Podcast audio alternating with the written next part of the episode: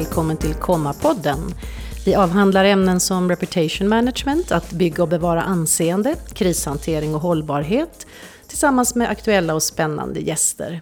Gäst idag är Pelle Lydmar, hotell och krogentreprenör. Välkommen till Komma-podden. Ja, tack snälla du, tack snälla du.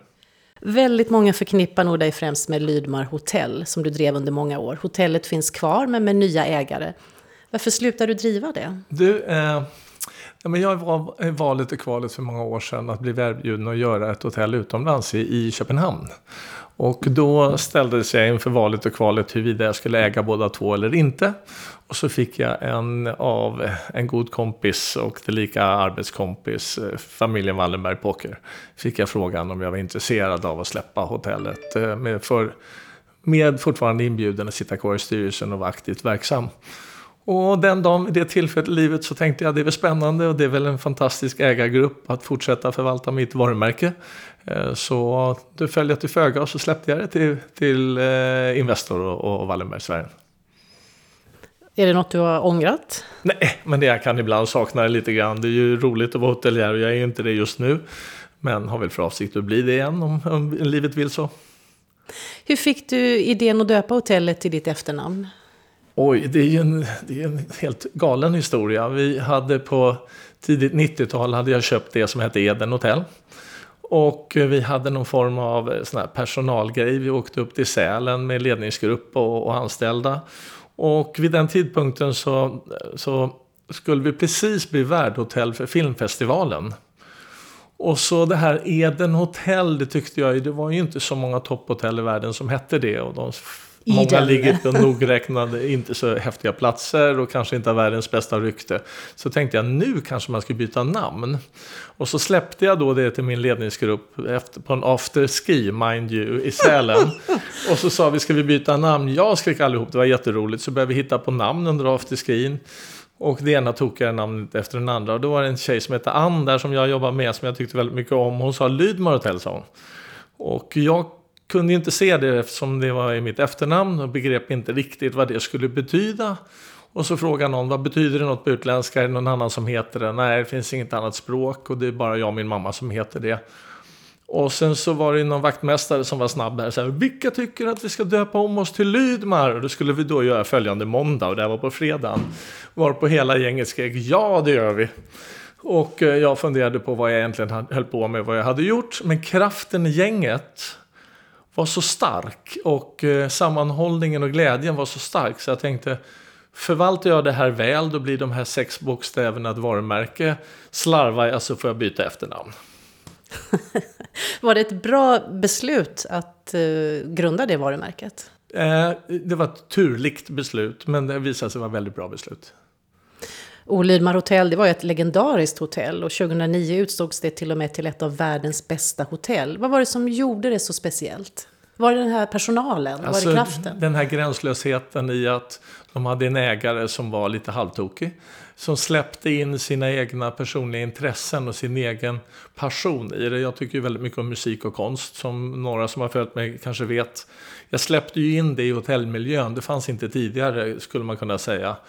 Eh, hade livespelningar och mycket konst. Och det, det, det, blev en positionering mot de andra hotellen, föreföll väldigt tråkiga och det här föll för levande. Och det var någonting som man gärna ville förknippas med eh, från olika industrier och personal. Så det blev en sammanhållning som var fantastisk helt enkelt. Men hur mycket strategi låg det bakom det här anseendearbetet? Ja, då skulle man gärna önska att man hade en jäkla fin eh, eh, handelsuppställning på detta. Väldigt mycket känsla och väldigt lite strategi. Vi följde, vi följde verkligen vi, vi, vi, vi, förändrade och justerade produkten dagligen. Vi hittade på nya saker och kände om vi tyckte det var kul eller inte.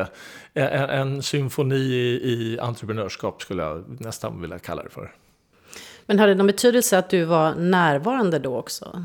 Jag tror att det var avgörande. Ehm, jag tror att på den tiden, vi backar ju några år tillbaka, då var det kedjorna som var fram, framgångs... Det var de som hade det internationella monopolet. Och så, så började det komma någonting som kallades för butikhotell.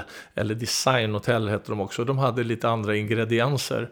Och det där fanns inte på den tiden. Eh, utan det var ett gäng tokstollar runt i världen, som jag själv.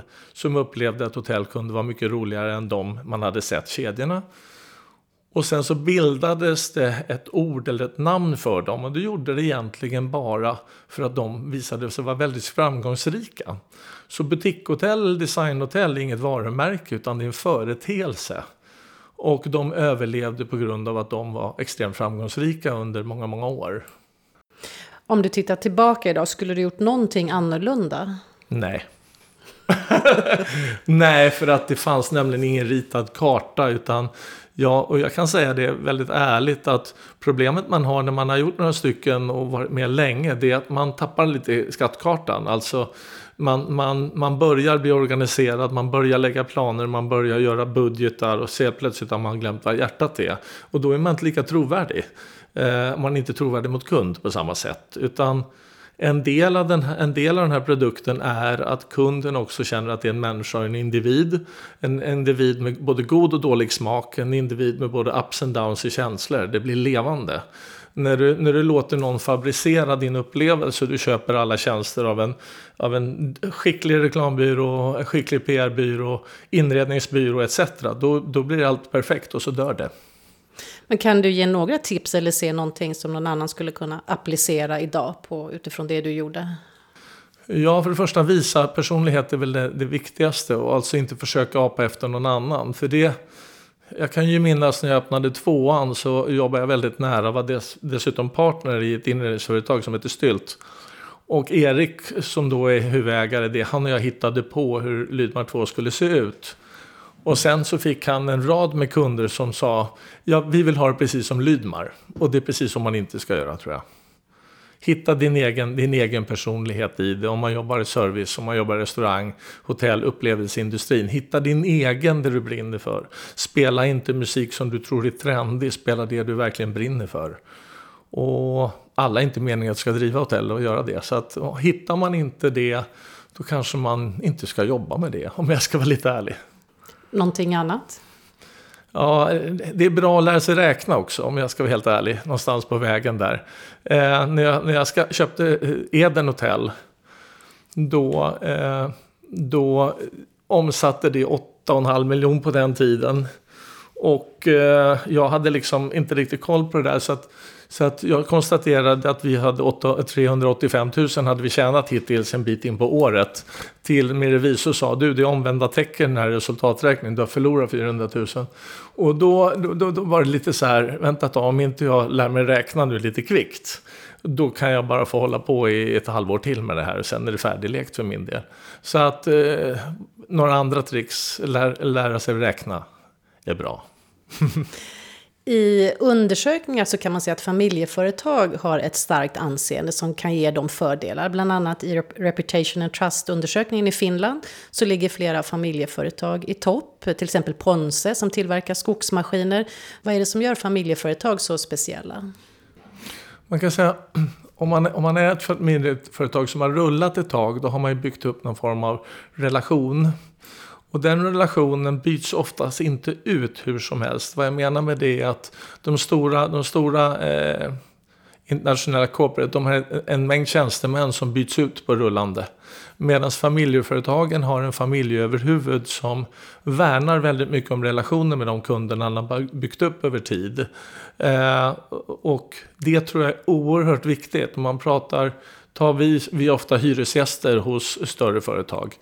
Eh, då finns det vissa typer av företag där man byter tjänstemän eh, och då får du en ny person du ska förhandla med. Medan familjeföretag, då är det så här, men han har skött sig så länge så då har man på något sätt, hur ska jag uttrycka mig, man, man har sitt credit record kanske 10, 15, 20 år tillbaka. Jag jobbar nära Spendrups till exempel, har jobbat med dem i alla år. Och då lär man känna dem, så har man det tufft under en period, då vet de. Men han, han levererar på det han har lovat. Det har han sagt många gånger under åren och det, det håller. Så jag tror ju att den här familjeföretagen, de är oerhört viktiga. Och det finns en liten trovärdighetsgrej där som som andra företag kanske inte kan åtnjuta. Som är mellan människor, inte balans eller storlek eller finansiell styrka utan andra värden. Hur märker du att synen på anseende har förändrats? Att det blir allt viktigare att ha ett starkt förtroende hos sina intressenter? Ja, jag tror det blir oerhört viktigt för Alltså om man backar väldigt långt tillbaka då, då hade Sheraton som worldwide slogan Wherever you wake up in the world your room will look the same. Eh, och det, vi lever i en värld som är precis rakt motsatt. Eh, så anseende och förtroende det är oerhört viktigt. Och de som försöker skapa det genom påklistrade historier, historier de blir idag avslöjade. Det är, man är inte trovärdig. Korta, snabba kvartalsrapportsföretag har det mycket svårare idag. De klarar sig inte riktigt. Man går tillbaka till kvaliteter i alla led. Kvalitet i råvaror, kvaliteter i service, kvalitet person till det du gör. Det finns helt andra värden som börjar bli viktiga. De monetära värdena eh, och klarar du inte dem, då, då, går du under för då har du inte råd. Men om du klarar de monetära värdena och har kvalitet i det du gör, då upplever jag att man får fortsätta. Jag tänker också på entreprenörskap så kommer ju också risker. Hur har du gjort dina riskanalyser? Oj, jag gjorde en idag. Jag har ett möte efter detta faktiskt. Där jag gör en riskanalys och var lite försiktig. Eh, det är ju klart som så att man blir lite, lite klokare kanske förhoppningsvis. Om man har lärt sig något blir man lite klokare. Och under den tiden vi lever nu i, i coronatider så måste man vara lite försiktig. Man kan inte bara kasta sig ut och hoppas att fallskärmen vecklar ut sig. Utan man måste planera och fundera lite mer nu. Eh, man kan inte vara lika våghalsig som man kunde när man var yngre.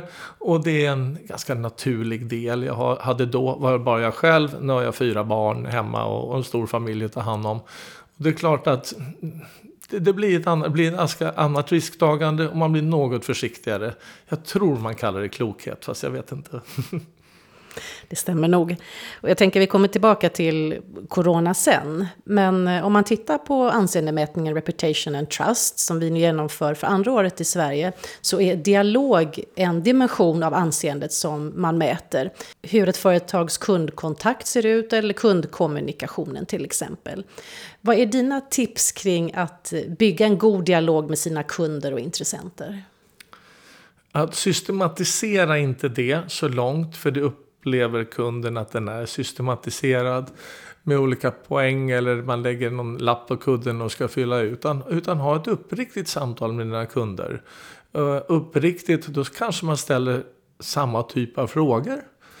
Men man kanske inte lyssnar på svaren. Och man kanske inte återkommer med ytterligare feedback. Låt oss säga att man har frågat någon gäst vad de tyckte om någonting. Nästa gång de kommer så har man förhoppningsvis fixat det. Inte bara fyllt i någon rapport. Så att antagligen samma typ av frågeställning men se till att du lyssnar och gör förändringen om du tror på förändringen. Och vissa grejer får man hålla i. Jag har ju ofta haft ryktet om att jag har spelat för hög volym eh, musik på mina ställen och då är det någon någon eh, gäst som tycker det spelar alldeles för högt, och säga, hemskt ledsen men den, det är den här produkten jag tycker är härlig att ha. Brukar jag säga då. Och då, då, då förändrar inte jag produkten för den här individen. För resten i, i, i den här matsalen eller vad det må vara kanske njuter av att det är lite högre volym. Då förstör jag inte det för de andra, tänker jag. Så att gästen kan inte påverka en produkt som jag brinner för, men jag lyssnar när den personen kommer med råd som jag tycker är mitt i prick.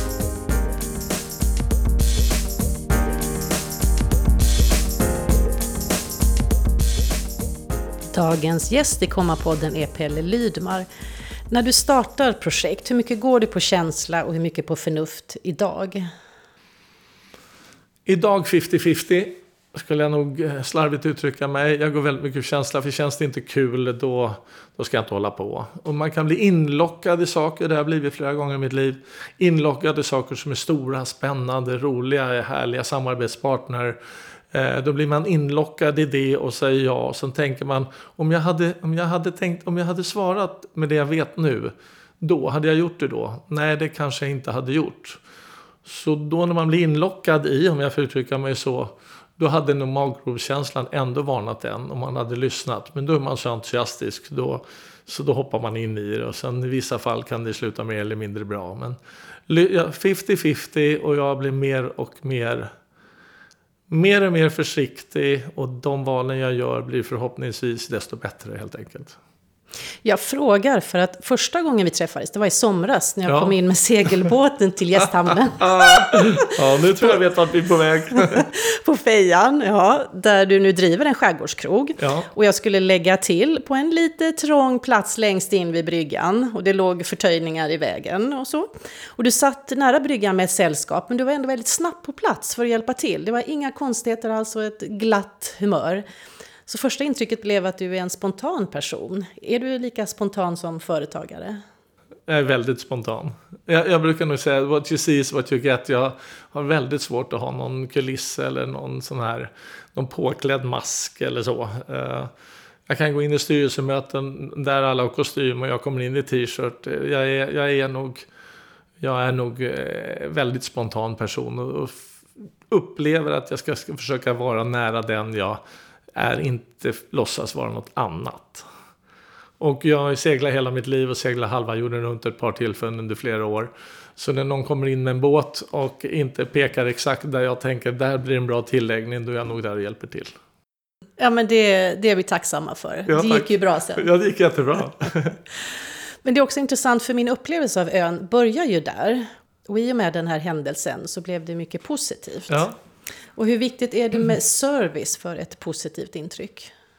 Eh, om, om, man tänker sig då, service är allt. Jag brukar, brukar säga att ju närmare jag väljer min personal i relation till gästerna, att de är väldigt nära varandra. Eh, om jag är på en vuxen restaurang så kanske inte jag ska ha 16-åringar som serverar vice versa. Eh, så att ju närmare jag är gästen, desto mer naturligt blir det där. Eh, när typ av igenkänning? Ja, typ av igenkänning, verkligen så. Och det, det resulterar väldigt ofta i ärlig service. Eh, där man kan alltså möta gästens villkor för man förstår det. Man försöker inte göra sig till eller man har inget, man har inget punktsystem som man går igenom för att gästen ska bli happy. Utan man lyssnar på gästen och är, nä rätt nära behovskriteriet, vad den här gästen vill ha. Man förstår. Då blir det som allra bäst. Men det tycker jag är ett bra begrepp, ärlig service. Ja, ärlig service. Ja, verkligen så. Uh, det finns så många klyschor man kan säga i vår industri som jag hemskt gärna undviker. Jag brukar säga så här också, det, det, det är väldigt svårt att lära någon utan eh, försök hitta de personer som redan har det. Att, att, skapa det på vissa, eh, att skapa det är mycket svårare. Alltså, ofta som ett exempel. Om jag vill ha en DJ hos mig som jag tycker ska lira rock i den här baren jag just har skapat, fast han tycker väldigt mycket om soul, musik, då är det nästan omöjligt att få honom att lira eh, rockmusik. Utan ta då en DJ som redan lirar rock. Och det är lite samma filosofi, hitta de som passar. Försök inte göra om med människor så mycket, det är betydligt svårare än vad man kan tro. Men är du bra människokännare då också? Hyfsad tror jag. Om du får säga det själv. ja, hyfsad. Så till, jag ska säga varför. Jag, jag, jag blev lämnad som barn och blev bortadopterad. Uh, och då blev jag en gång i Lilliten blev jag lämnad. Och uh, så låg man där i något sovsal med 60 andra ungar har jag fått förklarat för mig. Och den då som kunde vara gulligast och mysigast fick mest kärlek i den där sovsalen. Och det är väldigt, väldigt vanligt att adopterade personer, har jag lärt mig genom livet, är väldigt lyhörda vad omgivningen tycker. För man vill aldrig bli lämnad mer. Så jag brukade, brukar skoja med mina kollegor i branschen och säga att jag försprång, jag är adopterad. Och säger vad menar du med det? Jo, jag, det har en inbyggd system i mig att läsa min omgivning hela tiden. Och det passar utmärkt i serviceindustrin om jag ska vara ärlig. Mm. rent, rent sådär, rent så faktiskt. Men hur lätt är det att vända ett första intryck om kunderna klagar på maten eller på boendet? Det är det roligaste som finns. Är det? ja, det är det absolut roligaste som finns. Ju argare desto mer utmaning är det. Men då, då kan man ju inte flina tillbaka och säga att de har fel, utan man får ju verkligen lyssna. Och sen är det 99,9% av alla gånger så är det inte det problemet som man står inför, utan det är att den här pappan som är arg på rummet har åkt till Åre med hela familjen och ungarna skrikit sista tre timmarna och det är egentligen varken fel på rummet eller något annat, utan alla är trötta. Så att det, det, är ofta inte det de pekar på som är det som är så jäkla farligt. Utan det är någon annan. Det är någon som har visat fel attityd eller de är trötta. Eller maten kommer för sent och de är oroliga för den nya dejten som inte får champagne. Det är, det är alltid något annat. Väldigt vanligt att det är något annat. Och, och snappar man inte det utan bara besvarar den raka frågan då missar man hela grejen. Men jag tänker på det här som du sa också att helst ska man vara lite service-minded som person. Men kan mm. man ändå på arbetsplatsen träna på det ja. eller peka på det? Hur ja. gör man då? Ja, men det, det, det är som vilken träning som helst. Man kan bli mycket bättre på allt. Eh, det är ingen, det är ingen som helst tvekan. Man, man, det är ju oerhört vanligt eh, att man ger, kan ge exempel. Det är bara att sätta på ett avsnitt på Fawlty Towers och ha det som utgångspunkt så kan man ju peka på 200, eh, det är bara att säga stopp och se, ser ni vad som händer här och här och här. Så att man kan, man, man kan förkovra sig i allt. Men jag brukar säga att om man ska bli operasångare så måste man ha en talang också. Så att man, man, kan ta det olika långt och alla kan bli väldigt bra. Eh, men det finns några som verkligen är födda till det tror jag. Vilka kloka rådgivare eller bollplank har du haft genom åren? Eh, farsan var väldigt klok. Han var rätt sträng, men väldigt klok. Väldigt klarsynt. Eh, jag har jobbat flera år med Salvatore Grimaldi som jag upplevde som oerhört klok. Eh, jag, har, jag har haft några sådana där genom åren, sådana här personer som, som eh, de med sin stora erfarenhet, de löser inte problemet utan de ser ofta bara längre på det. De, de, de, de ser att det här, här är inget problem imorgon. Det här är ett problem imorgon och övermorgon men inte nästa vecka. Och det är ganska viktigt att se. Att, eh, hur viktigt är det här om ett litet tag och hur stor fight ska jag göra av det här nu? Och hur påverkar det? Det där måste man nypa sig i armen till och från. När man hamnar i en situation där man känner sig trängd, utnyttjad eller till och med lurad. Då får man spola fram lite längre och se hur, hur viktigt är det här egentligen? Och det, det, det är kloka, erfarna affärsmän och kvinnor väldigt bra på.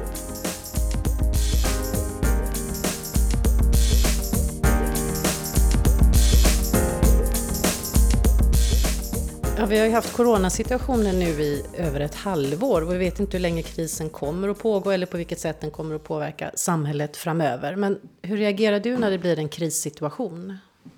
Jag tror att jag är ganska snabb, eh, skulle jag våga påstå. Eh, jag eh, har reagerat reptilhjärnan, som man brukar säga, går igång ganska fort.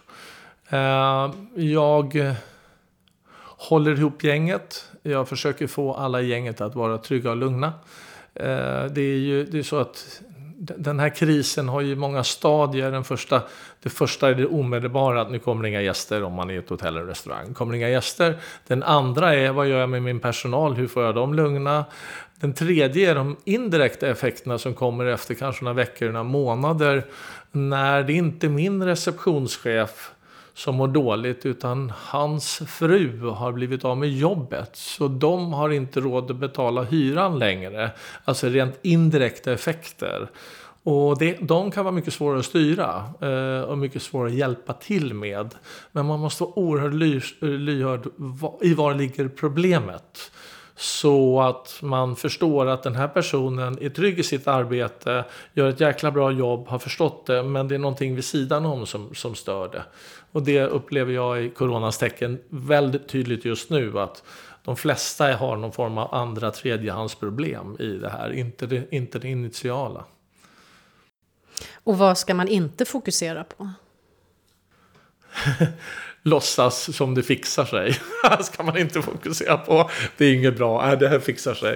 Eh, det är inget bra. Men då ska jag villigt erkänna då för att visa min svaghet att jag var ju den i hela min ledningsgrupp som trodde det skulle vara över tidigast. alltså, det här är över en 6-8 veckor. Det var min beräkning. Varpå eh, det var någon som hade sträckt sig upp till 3-4 månader och eh, vi har ju passerat det också. Så att de skrattar nog lite åt mig att jag var lite väl optimistisk. Fast initialt, jag tror inte du var ensam. Det var många som trodde att Almedalen och så vidare skulle ske. Eller hur? Eller hur? Du är också aktiv i Visitas styrelse, bransch och arbetsgivarorganisationen för den svenska besöksnäringen. Och en av dina kollegor är Maud Olofsson, som Jajamän. är ordförande och tidigare bland annat vice statsminister. Ja. Har ni bra diskussioner vid köksbordet? Mycket så kan jag säga. Hon är ju en person som om man ska lära sig strategi så ska man ju, sitter man ju på första parkett. Det finns ju ingen som är så skicklig som jag har träffat i, i politik och strategi som hon är. Hon är absolut imponerande att få jobba med, måste jag säga. Ja, hon satte ju köksbordet på PR-kartan. Ja, hon bjöd in sina blivande allianskollegor. Exakt så, ja. Exakt. Vad är det för knep som hon har då? Eller talang? Är det som hon knep som hon har det? Alltså hon, hon ser så oerhört långt fram i, skeendena. Hon, hon, hon, spelar schack, eh, skulle jag vilja säga. Jag vet inte Maud, jag ber om ursäkt. Jag skapar en bild av dig nu. Men hon spelar schack. Hon är väldigt många drag framåt hela tiden. Och här sitter jag då och, och, och funderar på mitt nästa drag. Medan hon är alltid tre, fyra, fem drag framför en. Och så länge man är 3-4 då vinner man. Eh, och det, det, är väldigt, väldigt intressant att studera och följa och lära av henne. Kan man ju säga. Så kan man ibland testa lite grann och se, se om man kan spräcka den där, den där serien drag. Men hittills har jag nog inte klarat att, att göra det. Men det är roligt att spela schack med henne om jag mm. får säga så. Remi kanske? Ja, Remi kanske någon dag. Spännande. Ja. Hur mycket kontakter hade du med politiker under Lydmar hotelltiden? Eh, Lydmar Hotel-tiden mer som eh, gäster eh, på den tiden. Eh, vi hade vi har ju haft en flora av fantastiska gäster genom åren. Allt från superkändisar till, till tunga politiker. Så därigenom var man ju en form av värd och man fick ju liksom njuta av att hänga med dem om jag ska vara helt uppriktig. De var ofta lite nyfikna på hotellet och så träffades man och så och så.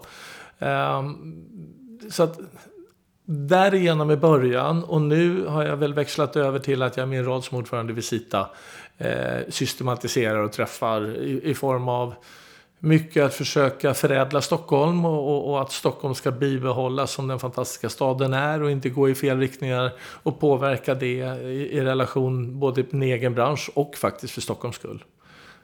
Och under coronatiden så har du varit ute i debatten en del kring att det är tufft för hotellnäringen att behålla duktiga medarbetare.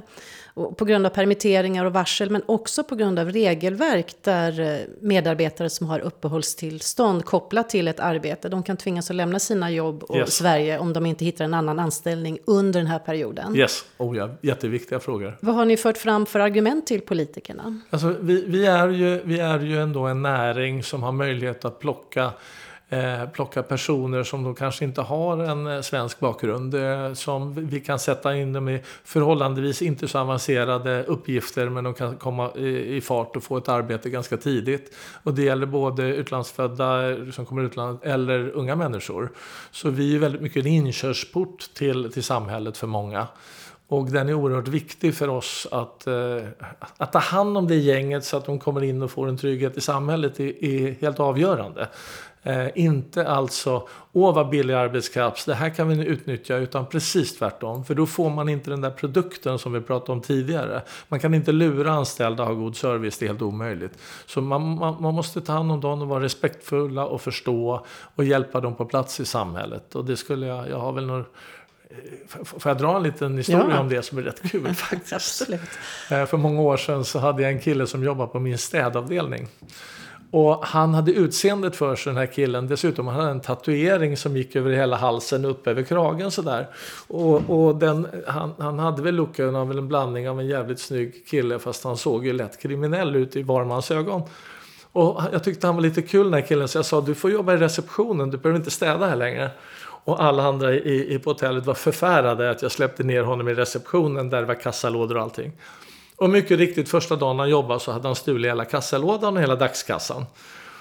Och då, då, då, kontaktade jag honom och så sa jag så här, men det där var väl inget smart för då får du inte behålla jobbet och alla tycker att du är en bandit och så här, men du, du har faktiskt fått det här jobbet för att behålla. Kom tillbaka och så får du behålla det här jobbet. Så han kom tillbaka till alla andras i personalens förskräckelse. Så gjorde han precis samma sak dagen efter. så stod han nästa, nästa dagskassa och tyckte den där Pelle Lydman fattar ju ingenting. Jag fick en dagskassa till. Så ibland kanske man är lite för blåögd. Men över det hela taget så tror jag att det är så man måste se på det. Det är så man måste göra. Ge, ge alla verkligen en fair chance. Mm. Men hur har gensvaret varit från politikerna hittills? Alltså politiker, vi kan ju säga då idag har vi fått lite information återigen. Och politikerna, det, det, är så här att, och jag tror att jag kan läsa det även om det då inte gör det lättare för min bransch. Man, man väger folkhälsa Där vårt, våra argument är att behålla arbetstillfällen och behålla våra, bevara våra företag och allting. Och de väger, det må så vara, men folkhälsan är viktigare. Och det är väldigt svårt för någon som är klok att argumentera emot det. Så vad, vi, vad jag upplever att vi försöker göra är att skapa, hitta då hitta då den här mellanvägen där både bolaget kan överleva och corona kan eh, dämpas. Och den är svår att navigera igenom. Den, den, alla har synpunkter, alla tycker och en del personer dessutom oerhört rädda. Och det måste man ha respekt för och då är det inte alltid man beter sig riktigt rationellt. Utan vi tycker vi ser det fler och fler exempel på det i samhället och bara nära runt mig hur vissa personer tar väldigt illa vid sig på grund av ren rädsla. Och rädsla är svårt att komma över. Så att eh, det, är en, det är en väldigt fin eh, tråd att balansera på. Att möta då en hel närings önskemål om eh, att starta upp igen och sen bevara folkhälsan. Det är väldigt, väldigt svårnavigerat. Men också då kanske viktigt att prata om den här rädslan. Så mycket, att det inte blir tyst. Nej, mycket viktigt. Mycket viktigt. Vi försöker ju då eh, som bransch rationalisera med siffror. Vi försöker till exempel att tyda vad regeringens beslut åt höger och vänster är och rationalisera. Kan man tänka sig om det inte stiger någonting mer under kommande månad att X händer? Eller kan man tänka sig om, om, om det går ner med ytterligare X antal per dag smittade, kan vi öppna då istället? Och vi, försöker, vi försöker rationalisera det där. Men mätpunkterna och systemen finns inte riktigt ännu. Alltså vi vet exakt hur många liv det tar extra om vi ökar hastigheten på landsvägen mellan 70 och 80. Det har vi världsstatistik på. Men vi vet inte, vilket gör det för beslutsfattarna svårt såklart. Om du ska titta i spåkulan, hur tror du att corona har och kommer att påverka besöksnäringen framöver? Eh, den spåkulan är, är, är väldigt dimmig, måste jag säga. Jag brukar älska att uttala om framtiden, för det är roligt. Men det är väldigt svårt. Jag var ju för optimistisk från början. Jag upplever att, eh, att den rädslan som finns för corona och den tydliga eh, smittspridning som är i världen. Vi är ingen ensam liten plats som är oberörd, utan den kommer att få långa konsekvenser, är rädd, tyvärr. Vad gör du när du inte jobbar? Åh, jag har fyra ungar där hemma som tar väldigt mycket uppmärksamhet. Jag har tre hästar, fem katter, två hundar och nyligen ingen fru. Eh, så jag har tagit hela det där lasset på egna axlar. Så det är ju en oerhört viktig att de här ungarna som man har eh, satt i världen, att de har en trygghet. De bor hos mig på heltid allihopa. Att de har en trygghet och de vaknar på morgonen och känner sig älskade och så. Det är nog det allra viktigaste jag har att göra. Och dessemellan så cyklar jag lite och åker någon motorcykel då och då och har, älskar att åka skidor. Och, eh, ja, jag har alldeles för många fritidsintressen kan man säga. Hur är det där ute på Feja nu hösten? Ja, den är lugn för vi har öppet sommarsäsong. Det är nästa år som vi drar igång konferenssäsong. Så att just nu är det lugnt där ute. Jag har en kamera på bryggan där ute som jag tycker är lite kul för att bevaka vädret.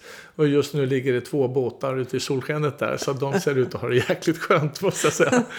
Härligt. Jag tänkte du, eh, under Lydmar Hotell-tiden så, så nämnde du också att du träffade världsstjärnor. Och som man säger, de är ju också människor, eller hur? Ja, utan tvekan. Ja, verkligen, verkligen, verkligen. Uh, ska jag dra någon anekdot? Ja, det är har du någonting där? att du säger det. ja, men gud. Alltså, jag uh, uh, träffade ju Daniel Craig. Han bodde hos oss länge, James Bond. Uh, och jag hade förmånen att lära känna honom för han, han spelade in en film som var då The Girl with the Dragon Tattoo. Då bodde han ju här i två och en halv, tre månader hos oss. Och det är ju en rätt kul kille så tillvida att han är ju som en skådespelare, han är ju så cool som James Bond är. Han spelar inte det, utan han är, han är döcool. Jag sitter någon frukost med honom och så ser jag att han har en Omega-klocka på armen. Och så, så konstaterar jag att han har likadan som jag har. Och så säger jag Daniel, you got a good looking watch there, säger jag så här. Och så säger han, you got a good looking watch too Pelle, för vi hade likadana då. Så han, but I bet you you're not getting paid to wear yours, are you? Och det blir ju rätt kul va, sådär. Och så någon annan gång så skulle jag vara lite cool tyckte jag. Så jag satt med något sällskap så kommer han in genom, bara han hade tagit en kvällsjogg där. Så kommer han in genom, genom matsalen och säger, tja Daniel, are we taking good care of you? Säger jag. Och då, då tycker han, jävla billiga poäng. Så han säger, Pelle this hotel sucks.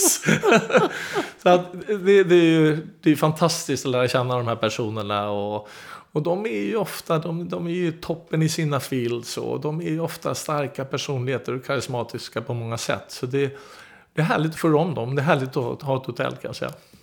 Var det någon som var extra krävande när det gällde servicen, maintenance? nej, oh nej. Ah, gud, jag har väl... Ja men, eh, ja, men det är väl några sådana historier från... Det var ju faktiskt en av mina första jobb var på Grand Hotel. Och det, är länge tillbaka i tiden. Och då lärde man sig av de där gamla guidet som hade stått där och jobbat där i, liksom, på den tiden, 17-20 år. Och då kommer det ner, det kom, och då, då skickar de alltid till mig de där arga, argaste gästerna som var förbannade på något. Och då kommer en arg kvinna, hon är så oförbätterligt förbannad för det var fel på rummet och allting. Och hon var lite ökänd för att hon var så förbannad jämt. Så då tyckte de var kul att putta den där, den där tanten mot mig. Och jag var rätt ung då, så jag skulle ju skärma henne tänkte jag, precis som jag sa att jag trodde att jag kunde. Och när jag stod och gjorde det så sjönk alla min personal, personalen bredvid mig ner bakom disken och gömde sig. Och så tittade de på mig ungefär som, vad gör du? Och då hade inte jag märkt att jag hade svarat henne, yes sir, of course sir, no problem sir. Hon blev bara argare och argare. Så ibland så, så, så lyckas man inte så väl med sin charm. Och vem var det? Ja, det nej, det förtäller inte historien. vad har du för nästa mål eller projekt? Eh, just nu så tänkte jag, jag sitter lite still i båten ett tag. Och sen så eh, tänker jag att har jag lite tur så jag är lite nära det. Och ska vi inte prata så mycket om det så skulle jag väl vara med och göra något, utveckla, göra lite fastighetsutveckling i Stockholm och göra lite stadsutveckling. Det hade varit kul. Det finns några eh, områden som är lite, lite svarta fläckar på kartan där, som skulle, mitt i centrala Stockholm skulle kunna förädlas. Och jag har kanske skulle tycka det är kul att vara med och göra en sån resa. Att, att ta ett lite större grepp om eh, ett område eller ett kvarter och förädla det. Det hade varit väldigt roligt. Påverka Stockholm eh, i större utsträckning än ett ställe i taget. Det hade varit roligt. Och göra ett Lydmar Hotell till hade också varit väldigt kul. ja, kanske Stockholm får lite Lydmar-touch där. Ja, man vet aldrig. Tack så mycket Pelle Lydmar, hotell och krogentreprenör för att du kom och gästade Komma-podden. Ja, tack snälla själva, jättetrevligt att vara här. Jättemysigt.